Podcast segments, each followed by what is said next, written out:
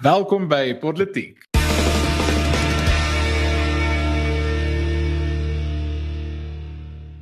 Omrits en uh, saam met Frederik van Dijk en twee ander gaste is ons hier vandag in die ateljee. Uh, hulle is Daniel Elof en Erns van Sail en vandag se episode beleggers gelok, ANC gehok en poskantoor voorstok. Nou ja, kom ons tot ons in hierdie week se politiek en ons skop af met ons eerste storie van hierdie lekker propvol episode en dit is president Cyril Ramaphosa se pogings om so klein bietjie waardigheid uh, vir buitelandse beleggings in Suid-Afrika te herstel. Nou ja, ek dink julle sal hierdie storie geniet want die ironie daarin is net te lekker uh, dat 'n mens dit nie kan geniet nie. Op Donderdag 24 Maart, dit is met ander woorde verlede week Donderdag, het uh, Suid-Afrika se 4de beleggingskonferensie afgeskop. President Cyril Ramaphosa het besluit hy gaan self hierdie geleentheid open uh, in Sandton. Nou terwyl president Ramaphosa gepraat het, ek het na sy toespraak gaan kyk, sê hy 'n paar goeters en ek probeer om Engels te vermy op politiek, maar ek gaan sommer direk uit sy toespraak uit aanhaal. Hy sê vir ons, ehm um, we are not unaware of the challenges our country faces. So hy weer ons probleme. Dan sê hy ons uitdagings is baie hulle is kompleks en hou lank aan. Hy sê maar ons weet nou wat hierdie probleme is en ons ons is nie bang vir hulle nie. We are not daunted by them. Dan sê hy ons is toegewy om 'n oplossing vir hulle te kry. En dan gaan hy aan in sy toespraak om vir ons te sê hoe presies hy beleggers gaan lok. En hy sê vir ons ja, okay, Transnet se spore gaan binnekort deur derde party gebruikers gebruik kan word. Onthou Transnet se spore. Ons sal terugkom na dit toe. En dan verduidelik hy vir ons dat Toyota en Aspen groot beleggings in Suid-Afrika gemaak het in die afgelope 4 jaar of iets van die aard. Nou terwyl hy besig is om te praat, letterlik Donderdag 24 Maart terwyl hy praat, uh is daar 'n optog op daai selfde oomblik in Kaapstad waar tydens Golden Arrow busdiens uh 3.5 miljoen rand skade ly as gevolg van uh busse wat aan die brand gesteek is tydens 'n 'n taxi bestuurders optog. Nou ek wil net vir julle 'n uh, graag bietjie 'n foto wys van van hoe dit lyk. Net gou by daai foto kom. O, uh, goed, ek uh, sien ek het hom ek ek sal die foto gou soek. Uh maar uh, in in intussen in elk geval is hier verskeie kwessies wat ons uh, wat waar ons natuurlik mekaar moet praat. Die eerste ene is die beleggingssensitiwiteit. Hoekom sal jy in Suid-Afrika wil belê? Hier is die foto nou. Ek gaan vir julle wys, daar sê. Daai is 'n bus of dit was 'n bus. Ehm um, en toe is hy aan die brand gesteek, daar's niks van hom oor nie. Nou as jy weet wat so bus kos, dis nie min geld nie. Nou goed. Ehm um, hier's verskeie kwessies aan die gang. Ten eerste beleggings is bitterlik sensitief. Hoekom sal jy van die buiteland af geld hier kom belê as 'n president vir jou iets sê terwyl sy land letterlik brand? Verder as dit, hoe swak moet die polisie wees dat hulle nie kan keer dat so 'n groot ding in die brand gesteek word nie? En verder as dit wil ek weer eens sê, hier's 'n massiewe fout in die ideologie van ons regerende party. En, en ek dink dis miskien die belangrikste van alles. Ehm um, maar goed, ek, ek dink dis 'n goed genoeg inleiding. Ek uh, hoor graag wat julle hier te sê het. Die, die probleem is daar was so 'n ehm um, oulike spotprent van uh, Shapiro, nie Ben Shapiro nie, maar Shapiro. En dit dit dit dit som uiteindelik verskriklik goed op dink ek. Waar basies dis hierdie ongelukstoneel baie soos wat lyk soos daai bus, maar dit is net klomp verskillende elemente. Dis dis Eskom, dis SAL, dis Transnet, dis ehm uh, misdaad in die land, dis bedrog, dis uh korrupsie, dis al hierdie goed wat uitgebeeld word in die spotprent en nou gaan Cyril Ramaphosa en hy probeer vir mense sê, "Hey, bring julle geld hier, dis 'n veilige belegging." Ehm um, ek wil dis nou net wanneer ons praat oor die wanbestuur en die goed wat ooglopend fout gaan in Suid-Afrika. Dan praat ons nie eers van die ANC wat nou vir hoeveel jaar lank dreig met goed soos die nasionale gesondheidsversekeringsfonds nie, die uh, oneindig sonder vergoeding wat ek vermoed weer terug gaan kom oor 'n jaar of twee wanneer dit weer verkiesingstyd is. Ehm um, dis nie eers wat praat van goed soos die petrolprys, belasting, al hierdie probleme, goed wat regtig baie werklik direk in die ANC se beheer is. Ehm um, en dan ten spyte daarvan dan dan gaan ons na die buiteland toe en probeer vir mense oortuig hy stuur julle geld Suid-Afrika. Jy sal waansinnig wees as jy na Suid-Afrika moet kyk en dink dat dat hierdie is 'n veilige belegging. Die probleem natuurlik is is ek ek sê hierdie met met 'n swaar hart. Ek wil dis nie ek dis nie wat ek wil sê oor Suid-Afrika nie. Ek wil hê geld moet hier na toe kom. Ek wil hê die buiteland moet moet hier belê. Die punt is net ek verstaan hoekom mense dit nie doen nie. Ek verstaan hoekom daai hierdie ywering en en versigtigheid ongelukkig is. En die feit van die saak is dan is dit gaan nie binnekort verander nie want die die die shine van die ANC het ongelukkig totaal en al verdwyn. Nou daar's baie mense wat sê sal sê wel daar was nooit shine om mee te begin nie, maar ten minste in die buitelandse perspektief was daar hierdie idee dat die ANC het jy weet is is party wat Suid-Afrika in die moderne demokrasie ingelei het. Aanvanklik het die ANC 'n paar suksese behaal met wanneer dit kom by goed soos watervoorsiening, kragvoorsiening ironies genoeg. Uh jy weet hierdie basiese voorsiening van van dienste En as ek nou praat van vroeg bedoel ek soos in die eerste 6, 7 jaar toe Suid-Afrika regtig 'n uitsonderlike ekonomiese groei beleef het. Ek bedoel of ons nou daarvan hou of nie, ehm um, en of jy hou van die ANC in die afgelope 26 jaar of nie, maar dit het redelik goed gegaan met ons ekonomie vir daardie tyd. Suid-Afrika was 'n redelike suksesverhaal gewees vir omtrent die eerste dekade en ongelukkig is dit nou te lank terug vir enigiemand te onthou en sien ons nou regtig die ANC vir die ware klere wat dit verteenwoordig en ongelukkig eintlik sien 'n ware klere, maar ongelukkig is is dit eintlik net 'n ware kleur en daai ware kleur is kommunistiese bloedrooi. Ja, Daniel, het, jy het eintlik presies gesê wat ek ook wou bylas. So ek gaan net 'n klein bietjie daarby bylas wat jy gesê het. Dit is die feit dat ek dink die ANC is so bietjie stadig soos Internet Explorer. Ek dink hulle sit nog bietjie in die vroeë 2000s vas as dit kom by hoe hulle die wêreld rondom hulle sien. Ek bedoel eerstens uh, hulle sit eintlik nog bietjie in die koue oorlog vas as jy kyk na wie hulle maatjies is en vir wie hulle almal kamerad noem. En uh, dan tweedens as hulle kyk na hoe hulle met uh, by Davos en by met die wêreld praat, klink dit regtig asof hulle dink dit is nog die Suid-Afrika van die vroeë 2000s toe Suid-Afrikanisme op sy piek was. Toe ons nou regtig gevoel het maar eers daar ons kan nie fout gaan nie. Hier is ons nou by 10%, 20% uh, ekonomiese groei is binne ons bereik. Ons is die Singapore van Afrika. En uh, nou begin realiteit bietjie insink en soos jy gesê het, die ANC se ware kleure kom na vore. En wat regtig vir my uitstaan hierso is dat dit lyk regtig vir my asof die ANC net onbewus is van hoe hulle die die goeie wil van die wêreld het opgedroog teenoor hulle as dit kom by ehm um, hoe die wêreld uh, Suid-Afrika as 'n beleggings ehm um, uh, 'n uh, plek sien. Uh mense kan maar net kyk na byvoorbeeld uh hoe beleggers eintlik besig is om die land te vlug. Hulle is nie besig om buitelandse beleggers is nie besig om te stroom in Suid-Afrika nie. Uh hulle sien eintlik hulle gaan eintlik nou na groener weivelde toe. So die ehm um, die witbrood tydperk van die die laat 90s en die vroeë 2000s is absoluut verby en die, die ANC gaan dit nie sommer terugkry deur soos wat lyk blykbaar die Ramaphosa glo deur mooi woordjies en pragtige beloftes nie. Ehm um, ek ek wag nog steeds vir daai ehm um, uh 'n trein so vinnig soos 'n koel wat 'n uh, Ramaphosa vir ons beloof het uh in 2018. Ek sal graag nog wil sien hoe vorder daai projek van hom. Ook hierdie nuwe wolkkrabbers wat uit die grond uit sou gereis het. Uh hierdie nuwe uh slim stede wat hy vir ons beloof het 3 jaar terug. Ek's nogal geïnteresseerd hoe vorder dit met daai stede. Is die fondamente al gelê uh wie weet. Ja, ek dink daar's nie veel wat mense by hierdie donker prentjie kan byvoeg nie behalwe dat ehm um, so half die die die oortjies van die seekoei. Uh ek het ander ander oggend 'n gesprek met Dawie Rood geluister waar hy gesê het, maar kyk, dit help nie eers enigiemand maak 'n groot ophef van hierdie beleggings uh konferensies wat so gereeld gehou word waar Ramaphosa dan die spreker is en uh waar waar hy dan nou veronderstel is om geld die land in te lok en so voorts nie want daai goed is eintlik al heeltemal te laat. Ehm um, wanneer 'n beleggingskonferensie gehou word is dit dikwels after the fact. Dis na die na die feit. Al wat dan dit is amper maar net 'n seremonietjie om om te sê okay maar ons het gehoor daar's belangstelling maar ons wil net gou vir julle wys daar is moontlik gronde vir daai belangstelling. Ehm um, daai konferensies op sigself lewer nie eintlik enige belegging op nie. Dit is maar net 'n seremoniele ding en dit is dis deel van 'n sterwende regering wat eintlik nie vreeslik veel vir belegging in die eerste plek kon beteken nie. En daar wil ek sê ook aan verder maar jy weet werklike belegging kom deur deur spesifiek die red tape en die bureaukrasie wat in die pad staan van ekonomiese groei in Suid-Afrika om dit uit die weg te ry. Dis wanneer mense gewoonlik dan ehm um, beleggers sien wat instroom en wat ek wat wat werklik belê in die land. Ehm um, die die konferensie self beteken nie veel nie. So dit dit is eintlik ek mense wens eintlik die media wil dit ook in 'n in 'n beter perspektief stel om te gaan sê wat wat doen hierdie konferensies regtig? Wat beteken dit werklik? Ehm um, wat is die rol daarvan? En dis eintlik nodig dat dit maar eintlik maar net ontmasker word of ten minste gekommunikeer word aan die publiek dat dit nie eintlik self die die ridder op die wit perd op sig op sigself is nie. Daar's 'n klomp ander goed, makro-ekonomiese beleid wat sal moet verander en drasties aangepas word. So ja, dink jy daar's veel meer wat mens daaroor kan sê. Nou ja, as jy uh, nou net by ons ingeskakel het, ek sien ons het 'n hele paar ouens wat nou net ingeskakel het, gaan gerus uh, deur die week terug en kyk na die eerste storie van ons bietjie oor die beleggingskonferensie gepraat het.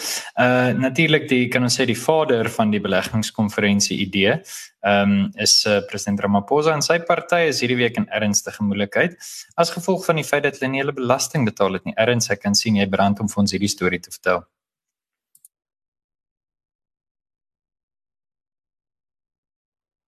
Ernst, jy's gemute ou. Alright, nee, dan's ons nou daar, hier gaan ons. Alright, nee, Paul, dis nogal 'n interessante storie met 'n paar hoeke en draaie aan hom, so kom ek gee net gou vir julle die nodige konteks. So dit is berig dat die uh, Suid-Afrikaanse ehm um, dat uh, die SAID 'n betaling van 102 miljoen van die ANC eis vir onbetaalde belasting en dit is in uh, Desember 2021 het hierdie storie al klaar na die oppervlak toe geborrel want dit is toe die uh, Gautengse Hooggeregshof 'n siviele uitspraak uitgereik het waarin die baie opdrag gegee het uh, opdrag gegee is om bates ter waarde van sowat 102 miljoen in 10 dae te belas vanaf die ANC. So daar's miskien net 'n stukkie nuance wat belangrik hierso is. Dis nie spesifiek ehm um, die ANC wat nou ehm um, uh belasting uh skuld soos wat ek en jy sal belasting skuld nie want uh politieke partye is vry, uh vry, gevrywaar van belasting. Maar hieso is hoe dit werk. So die ANC het 346 personeellede in diens by Letuli huis maar het vir jare geen werknemersbelasting WVF of die vaardigheidsontwikkelingsheffing aan die SAID betaal nie so dit is dan uh hoewel dit dan van persoonlike salarisse verhaal was en dit is waar uh hierdie skuld vandaan kom hierdie 102 miljoen skuld. En dan net 'n laaste kinkel in die kabel wat vir my baie interessant is van hierdie storie. En dit is dat ehm um, Karl Neus wat verlede jaar ehm um, uh deur die ANC in die pad gesteek is, het ook vroeër gesê dat hy gaan nie openbare beskermer nader oor die ANC se diefstal van werknemers se werkgewers bydraes en Neus het uh, kort na sy afdanking klagtes van bedrog, diefstal en korrupsie teen die ANC uh, eh, hoëgeplaastes by die Johannesburg sentraal polisiestasie ingedien. En die klagtes is namens ANC werknemers uh, ingedien wat ontevrede is oor die 100 miljoen wat glo aan uh, oor die jare uit salarisse in die vorm van werkgewersbydraes gesteel is. So hierdie storie is nie net so eenvoudig soos wat dit klink op die oppervlakte nie. Daar's 'n hele paar kinkels in hom, 'n hele paar hoeke en draaie. En dis net baie interessant al die karakters wat hierso uh, teenwoordig is uh, in hierdie uh, komplot of uh, in hierdie sameswering. ek het ek gaan drie vlugtige opmerkings maak. Die eerste ene is Ja, ek bly jy daai daai duidelikheid gegee erns oor wat presies hier ter sprake is. Dis nie maatskappye belasting of enigiets so iets wat die ANC moet skuld nie. Dis eintlik die pay as you earn wat die ANC veronderstel is om te betaal het vir hulle hulle werknemers.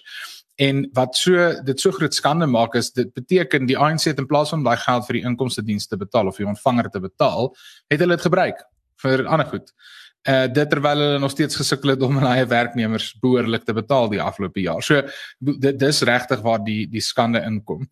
Ehm uh, my tweede opmerking is uh dat ek het 'n aanbod gemaak op Twitter al verlede jaar en ek het dit weer herhaal nou dat Irtespie sal graag die ANC bystaan met enige vrywillige likwidasie. Ons sal dit pro bono vir hulle doen.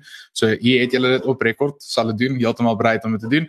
En derdens wil ek noem dat ek is verbaas dat hierdie is die begin van die belastingverset. Uh, die geskiedenisboeke gaan dit so kan kan noteer dat die begin van die belastingverset in Suid-Afrika is deur die deur die ANC, so Amandla in daai geval. Ja, ek ek dink wat wat vir my ontsettend interessant is, uh is die weer eens die ironie of die skynheiligheid.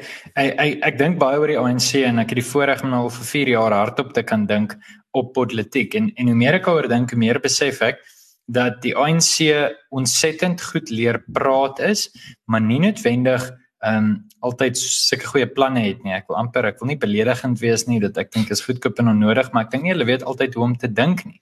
Wat ek daarmee bedoel is dat daar ideologiese bankrotskap is, ehm um, en dat hulle gewoon bankrot is aan idees en wat my betref is dit twee verskillende goeters.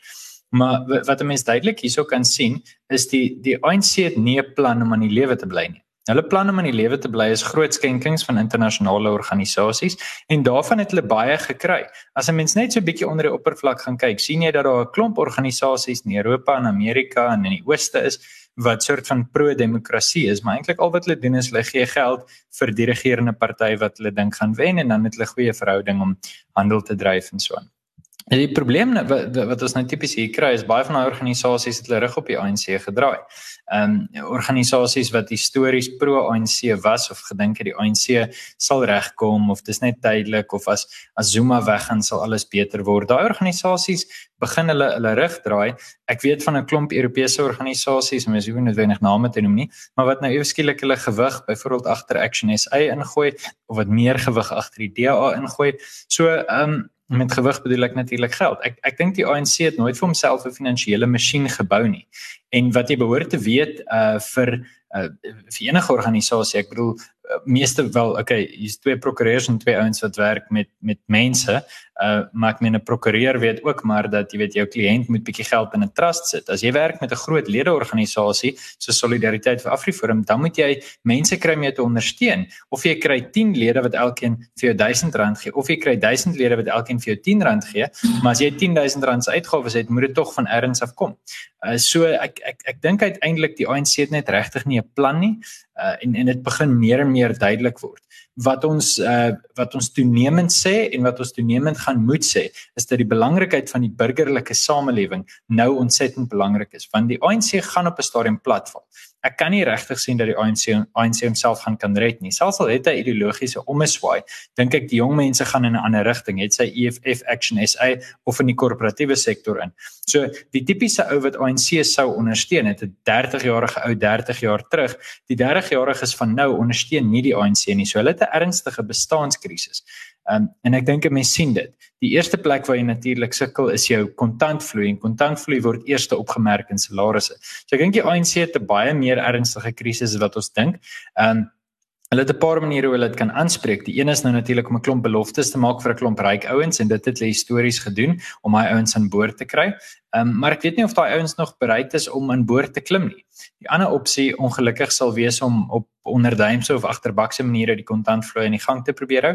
So ek dink burgerregte waghonde soos Afriforum en 'n klomp ander moet nou hulle oë oop hou want ek dink nou is die tyd wat daar desperate spronge gemaak sal word. So ek ek sien so 'n bietjie uh, uit uit na daai tipe gesprek in die toekoms.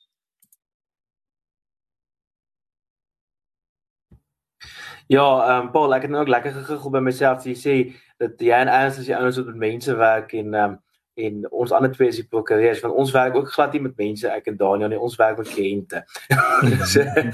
ehm my kliënte is mense ek is so my kliënte is masjiene. maar nie te min ja, nee, ag Paul, ek ek ek dink ek ek wil sommer byvoeg wat jy gesê het dat mens moet ook nie tensy iemand dit nou vermeld het en ek het dalk gemis het, maar mens moet ook nie die invloed van die die nuwe stuk wetgewing raak in die befondsing van politieke partye onderskat. Ehm um, ek wonder nog steeds en ek ek die beste verklaring wat ek dusver kon kry is dat die ANC het op hulle laure gerus toe die stuk wetgewing deurgevoer is. Want dis 'n tipiese stuk wetgewing wat wat as jy nou die hoofsweep of die van die sameroepers in die parlement onder die ANC caucus is waarskynlik sou gesê het maar ons moet ten alle koste teen die ding skep teen die ding stem wat jy natuurlik ook dan nou jou die die donker kant van jou organisasie nog meer tentoon sou stel as jy daarteen sou stem. Die punt is daai stuk wetgewing is op die wetboeke en dit forceer alle politieke partye, die ANC ingesluit, om te openbaar wie skenk vir hulle as dit nou 'n skenking van meer as of in totaal 100 000 rand is. So dit het soos jy sê 'n klomp ouens nou weggejaag wat baie mense het nou besef wel selfs al sou jy die ANC vertrou om jou iewers af in die pad by te staan wanneer hulle nog in mag bly en jy miskien 'n tendertjie daai sou kon sou kon wins kon wins of kon inpalm dan uh jy weet dan is dit nou die einde daarvan want nou weet almal presies wie jy is as jy vir hulle skenk. So ja, daar is definitief groot moeilikheid daar ek is nogal geïnteresseerd om te weet wat is die invloed hiervan op ehm um, of wat sê dit van die ANC se talle uh verbintenisse met byvoorbeeld Chancellor House en die ander beleggings uh meganismes en en en en ander uh entiteite wat wat met hulle assosieer wat spesifiek opgerig is om fondse te genereer wat op die eind in trust beland wat op die eind in die ANC self beland. Wat natuurlik nou 'n wettige manier is vir die ANC of enige nie winsgewende organisasie om een of ander vorm van kontantvloei te genereer. So dit sou interessant wees om te sien wat sê dit hierdie volslaa ehm um, 'n onvermoë om basiese uitgawes te kan aangaan en te kan dek. Wat sê dit van daai entiteite? Ehm um, en dit is interessant is om te sien wat ondersoekende joernaliste en die burgerlike samelewing dan nou sou uitkap.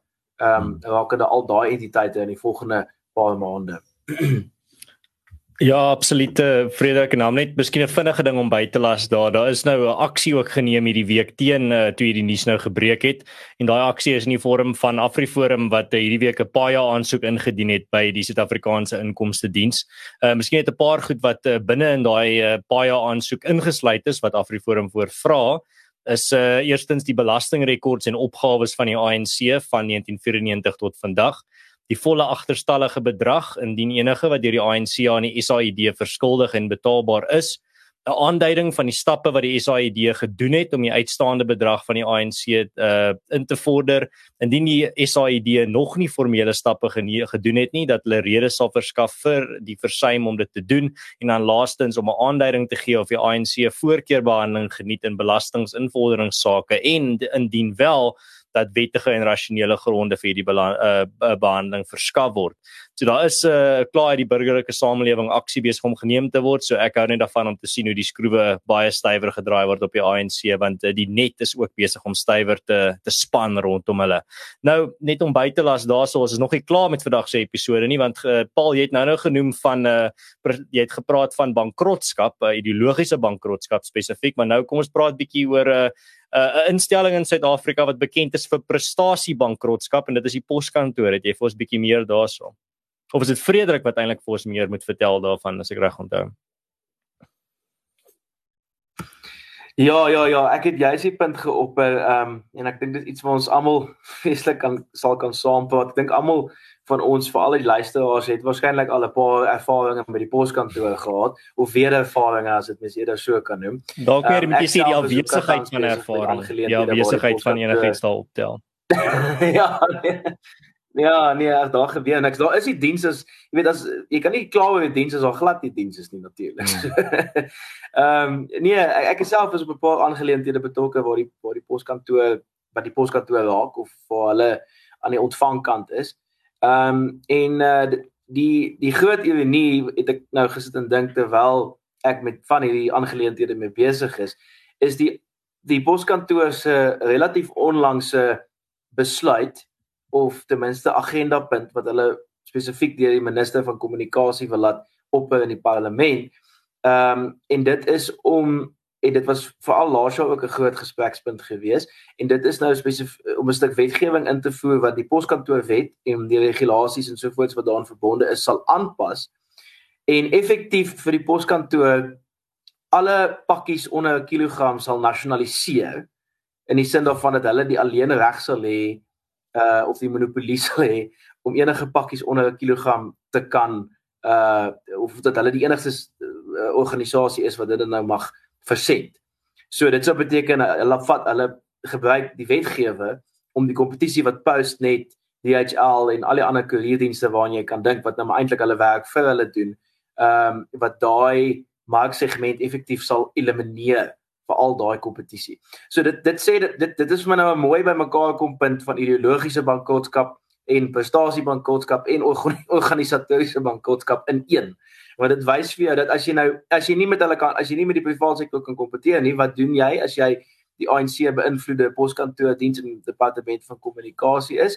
Jy gaan eenvoudig en vra vir die wetgewer wat ook aan jou kant is om wetgewing deur te sit wat dan nou vir jou 'n marksegment sal effektief monopoliseer. So ehm um, natuurlik uh, kan mense 'n bottel brandewyn gelukkig nog uh, hy ek dink hy's net iets wat oor 'n kilogram sal mense hom ten minste kan versend sonder om die poskantoor betrokke te kry. En um, net om daai punt af te sluit wat wat nou nog meer skreiend is wat daarbey aansluit.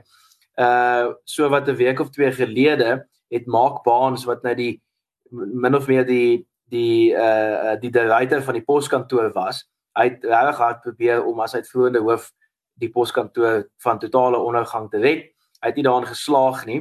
Ehm um, hy het aangebied en gesê maar hy sal, jy weet, vanuit die private sektor se kant af sal hy die meerderheidsaandeel koop in die poskantoor om hulle op daai manier te herfinansier en dan ook natuurlik 'n klomp bestuursverskywings maak soos hy nou so gedink want Hy kon dit nie doen toe hy bloot die uitvoerende hoof was nie, maar as hy ten minste nou aandele het, dan kan hy seker sulke verskywings maak wat dan die hele organisasie sal kan help red.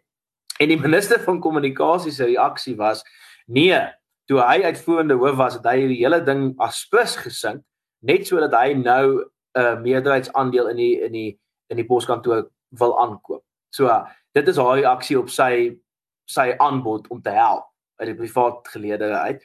En uh so dit natuurlik is dit totaal belaglik en die sy reaksie op Twitter was vir my redelik kostelik geweest. Hy het eenvoudig 'n uh, skakel geplaas in die artikel toe waar sy so teen hom uitvaar en hy het gesê I wonder if I will receive my apology in the post.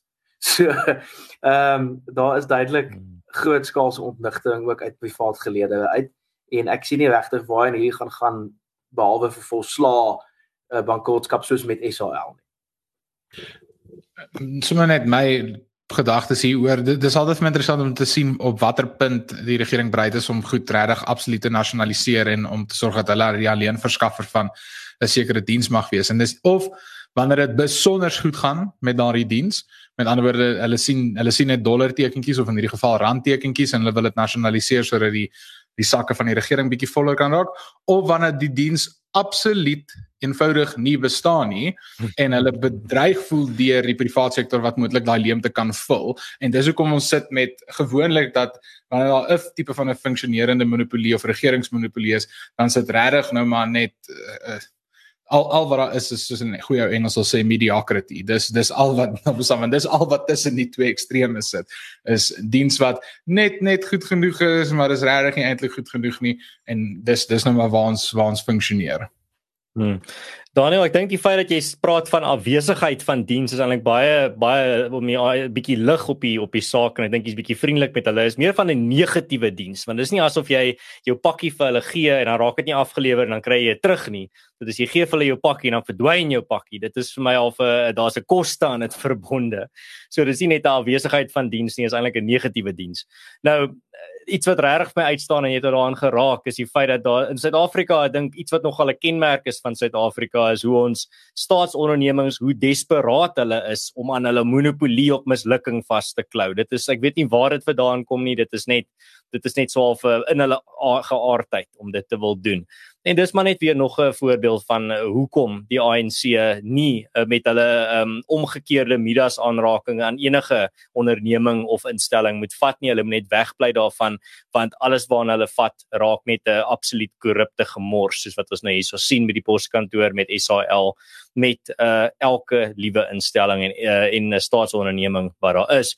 Nou as dit kom by wat die oplossing is, is dit regtig nie ek dink ons is ver te ver weg van uh, om enigstens te kan dink dat die skip kan omgedraai word. Die skip het klaar die uh, die ysberg getref en die enigste ding om nou te doen is maar om die uh, die lewensbootjies te bou as dit kom by hierdie soort uh, mislukking van instellings en mislukking van staatsondernemings.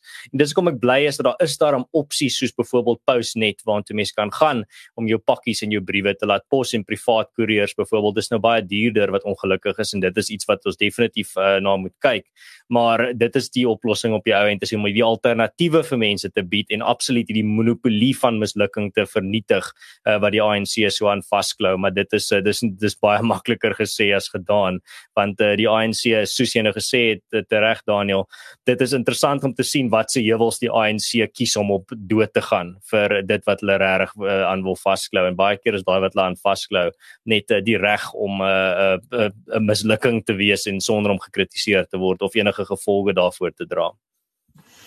Ja, as baie interessant, miskien die laaste gedagte net vir my gedagte dis dis ontsettend interessant uh dat hulle, jy weet, goed in die grond indryf wat eintlik soveel potensiaal het. Ek dink julle het nou baie daaroor gesê, maar die feit dat daar soveel privaat maatskappye vanuit die buiteland toetree na Suid-Afrika, die lande wat nie eintlik behoort 'n kompeterende voordeel te hê nie sê vir ons hoe groot die mark is en ook hoe absoluut pateties ehm um, die die Suid-Afrikaanse posdienste net, jy weet, nie afgelope ruk hanteer is. Dis dis kommerwekkend om te besef dat hierdie 'n wêreldklas instelling was en is ook kommerwekkend om te besef dat hierdie een van die goed is wat nooit vervang kan word nie. Die idee dat 'n pakkie na jou huis toe gebring moet word. Dit is een van die oudste, ek weet daar's altyd grappies oor wat is die oudste werk in die wêreld, maar dit moet sekerlik een van die oudste werke in die wêreld wees. Ehm um, Ons lees al reeds in die Bybel en in ander antieke tekste van mense wat bodes was. Hierdie is iets wat nie gaan weggaan nie. Hoekom? Want jy kan sekere goed aanlyn kry. Ons kan met mekaar praat aanlyn. Maar die oomblik wat ek vir jou iets wil gee, ek wil vir jou 'n boek gee of ek wil vir jou 'n bottel brandewyn gee, Frederik, as jy hierso vertel. Dit sal lekker wees. Dan skry dit nie waar ek op hierdie stadium is. Ehm um, maar die die ding is die oomblik wat jy so iets wil doen, kort jy 'n koerierdiens. Dit is dis die daar's soveel geleentheid. Ehm um, so dis eintlik kommerwekkend en ek kan natuurlik sien dat maatskappye soos DHL en RMX en RAM en al hierdie ons kan almal se name noem dat hulle natuurlik ehm uh, versigtig is vir die regering wat die ding probeer monopoliseer maar dat hulle ook besef hier's 'n wonderlike geleentheid. Uh uiteindelik dink ek en miskien as jy gereeld politiek luister raak jy raak jy ons bietjie verveeld daarmee dat ons dit deeltyd sê. Maar hoe die ANC besig is om wonderlike geleenthede deur hulle vingers te laat glip deur. Ek weet nie absoluut onbevoegd te wees, maar is nie net onbevoegdheid nie. Ek bedoel selfs 'n stuk in 'n klok is twee keer 'n dag reg. Dit is amper asof daar 'n spriste poging is om goed in die grond in te dryf, soos hierdie kommunistiese poging om alles plat te maak en weer op te bou. Maar jy weet selfs dit verg 'n bietjie beplanning. Ek ek weet nie, dit maak my baie keer net ek ek is verbaas hoe jy 'n salaris van meer as miljoen rand per jaar kan kry net niks doen nie. Ehm um, maar goed, Ehm uh, miskien moet ek daar stop voordat ek vir ons 'n laster saak wen en vir Daniel nog werk maak. ek het, ek het genoeg werk baie dankie maar nou ja. Uh, soos grappies oor Will Smith se familie is hierdie episode vir nou ook eers verby. Ons hou jou as ons uh, waardeer as jy as luisteraar ook saam met ons gesels en ont nonsens. As jy hou van wat ons doen hier op politiek teken gerus in en sit die gesprek voort in die kommentaar afdeling. Ons nooi jou ook uit om uh, aan te teken op ons Telegram kanaal dat ons ook daar lekker met julle kan gesels. As jy is besigheid op politiek wil bemark, kan jy ons gerus kontak en sodoende kan jy sorg dat ons aanhou om weekliks politiek te lewer. En dan sien ek en Paul julle weer volgende week maandagooggend 8uur vir jou weeklikse weekflits en dan tot volgende keer.